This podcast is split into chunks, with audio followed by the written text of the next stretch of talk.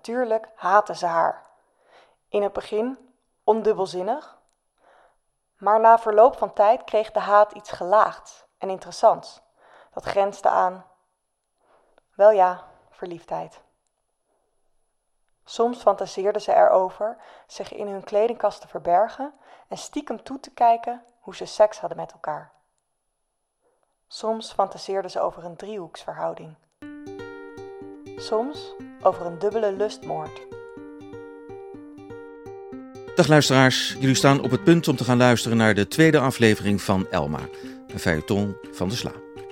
In de vorige aflevering schreef Nia Weijers over het succes van Elma Pipo, auteur van een everseller getiteld Gelukkige Scherven, Liefde na de Breuk. Na het boek volgden televisieoptredens, de theatertour, online masterclasses en uiteraard de podcastserie. Maar er knaagt iets. Wat schuilt er achter Elma's succes? Aflevering 2. Geschreven door Sophie Lakmaker en ingesproken door Tietje Hogendoorn. Elma moet door.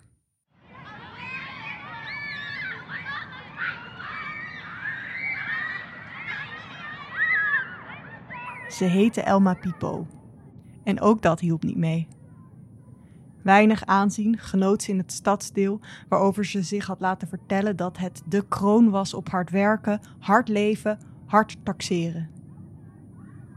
Ze woonde in Amsterdam Oud-Zuid, halverwege de Minervalaan. En er waren dagen waarop ze geloofde dat er enkel nog kinderen geboren werden met hoogblond haar en één lettergrepige voornamen. Haar buurtkinderen heten Jan, Mies en Haas. En vlak na haar laatste suïcidepoging realiseerde ze zich dat het onzin was. Jezelf van het leven te willen beroven als je Elma heet, als er ook hazen zijn die zich een weg door dit bestaan vechten. Haas was het leukste kind van de drie. Ze won Elma's sympathie toen ze van één hoog uit het raam viel, haar ogen opende en zei: Het gaat wel. Het gaat wel. Veel waarachtiger zou het misschien nooit worden. En er waren mensen die er een leven lang over deden om tot dat inzicht te komen. Dat het aanvaardbaar moet zijn, dit alles. En je daarna vermoedelijk moet ophouden te verlangen. Een overschot aan verlangen, dat was wat Oud-Zuid verenigde. 3 euro betalen voor een citroen doe je enkel wanneer gewoon geel niet geel genoeg is.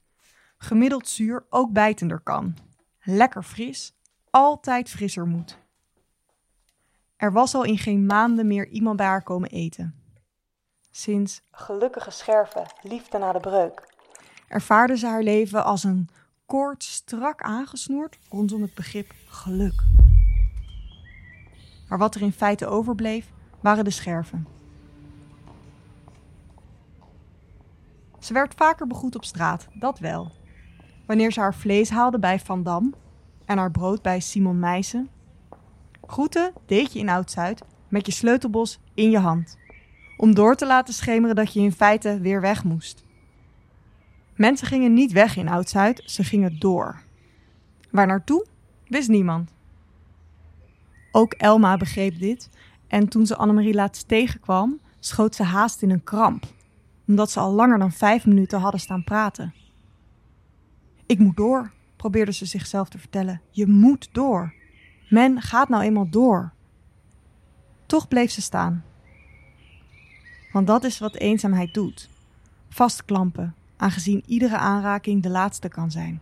Hoe vluchtig ook. Annemarie was de moeder van Jan, Mies en Haas. En Elma vroeg zich geregeld af of ze nog een kind zou krijgen om alle lettergrepen in haar eigen naam van nieuw bestaan te voorzien. Misschien was zoiets onzinnig, maar Annemarie leek zelden terug te deinzen voor het onzinnige. Elma was één keer bij hen thuis geweest en ontdekte toen dat Jan, Mies en Haas ieder een eigen kleur Nespresso cup gebruikten. Jan een blauwe, Mies en Haas meer vrouwelijke tinten. Volstrekt onzinnig was zoiets. Na een vol kwartier spraken ze nog steeds over de verbouwing van hiernaast. Er was altijd een verbouwing.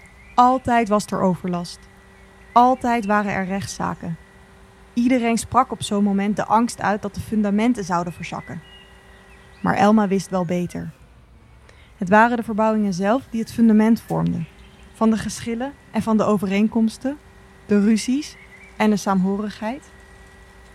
En een werkelijke ondergang zou pas plaatsvinden wanneer iedereen eens ophield te verbouwen en moest beginnen met leven. Beginnen met leven. Realiseer je dat iedere geboorte een breuk is, in de tijd en in het menselijk lichaam. Breuken en scherven. Ze vormen de wapens waarmee we het bestaan tegemoet gaan. Het was gek hoe ieder gesprek, hoe diepzinnig of futiel ook, enkel bijdroeg aan een interne dialoog. Luisteren was nauwelijks nodig.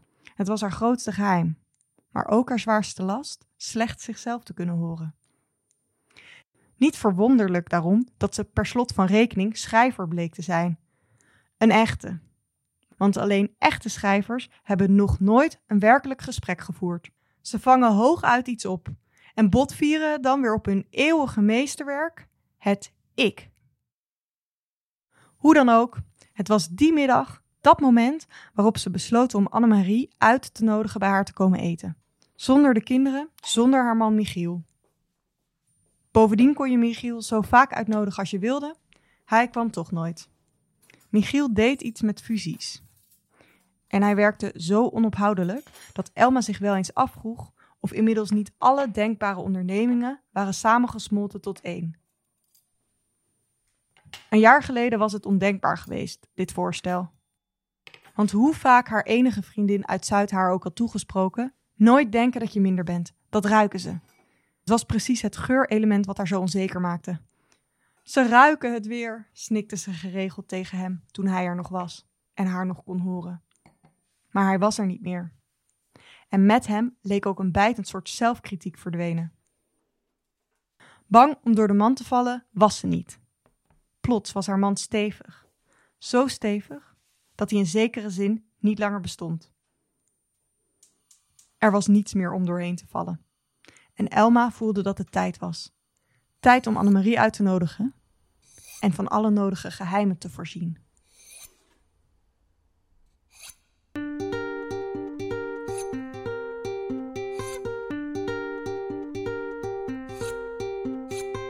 Je luisterde naar aflevering 2 van Elma, een audioreeks van de Sla.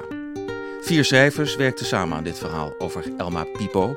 Het eerste verhaal is geschreven door Ninja Weijers en zij volgt Sophie Lakmaker om dit tweede stuk te schrijven. Sophie is columnist voor de Groene Amsterdammer en werkt momenteel aan haar debuutroman. Na haar studies Russisch en literatuurwetenschap ronde ze in 2018 haar opleiding filosofie af aan de Universiteit van Amsterdam. Elma werd ingesproken door Tietje Hogendoorn. Titia is actrice, videomaker, illustrator en Instagrammer. Ze maakt samen met Daniel van der Poppen de podcast Polititia, waarin allerlei onduidelijke politieke structuren helder en ook nog eens lekker luchtig worden uitgelegd. De muziek van Elma is gemaakt door Tessa Rose Jackson, te vinden op Spotify onder Someone. De audioproductie is in handen van audiomaker en schrijver Dennis Gaats.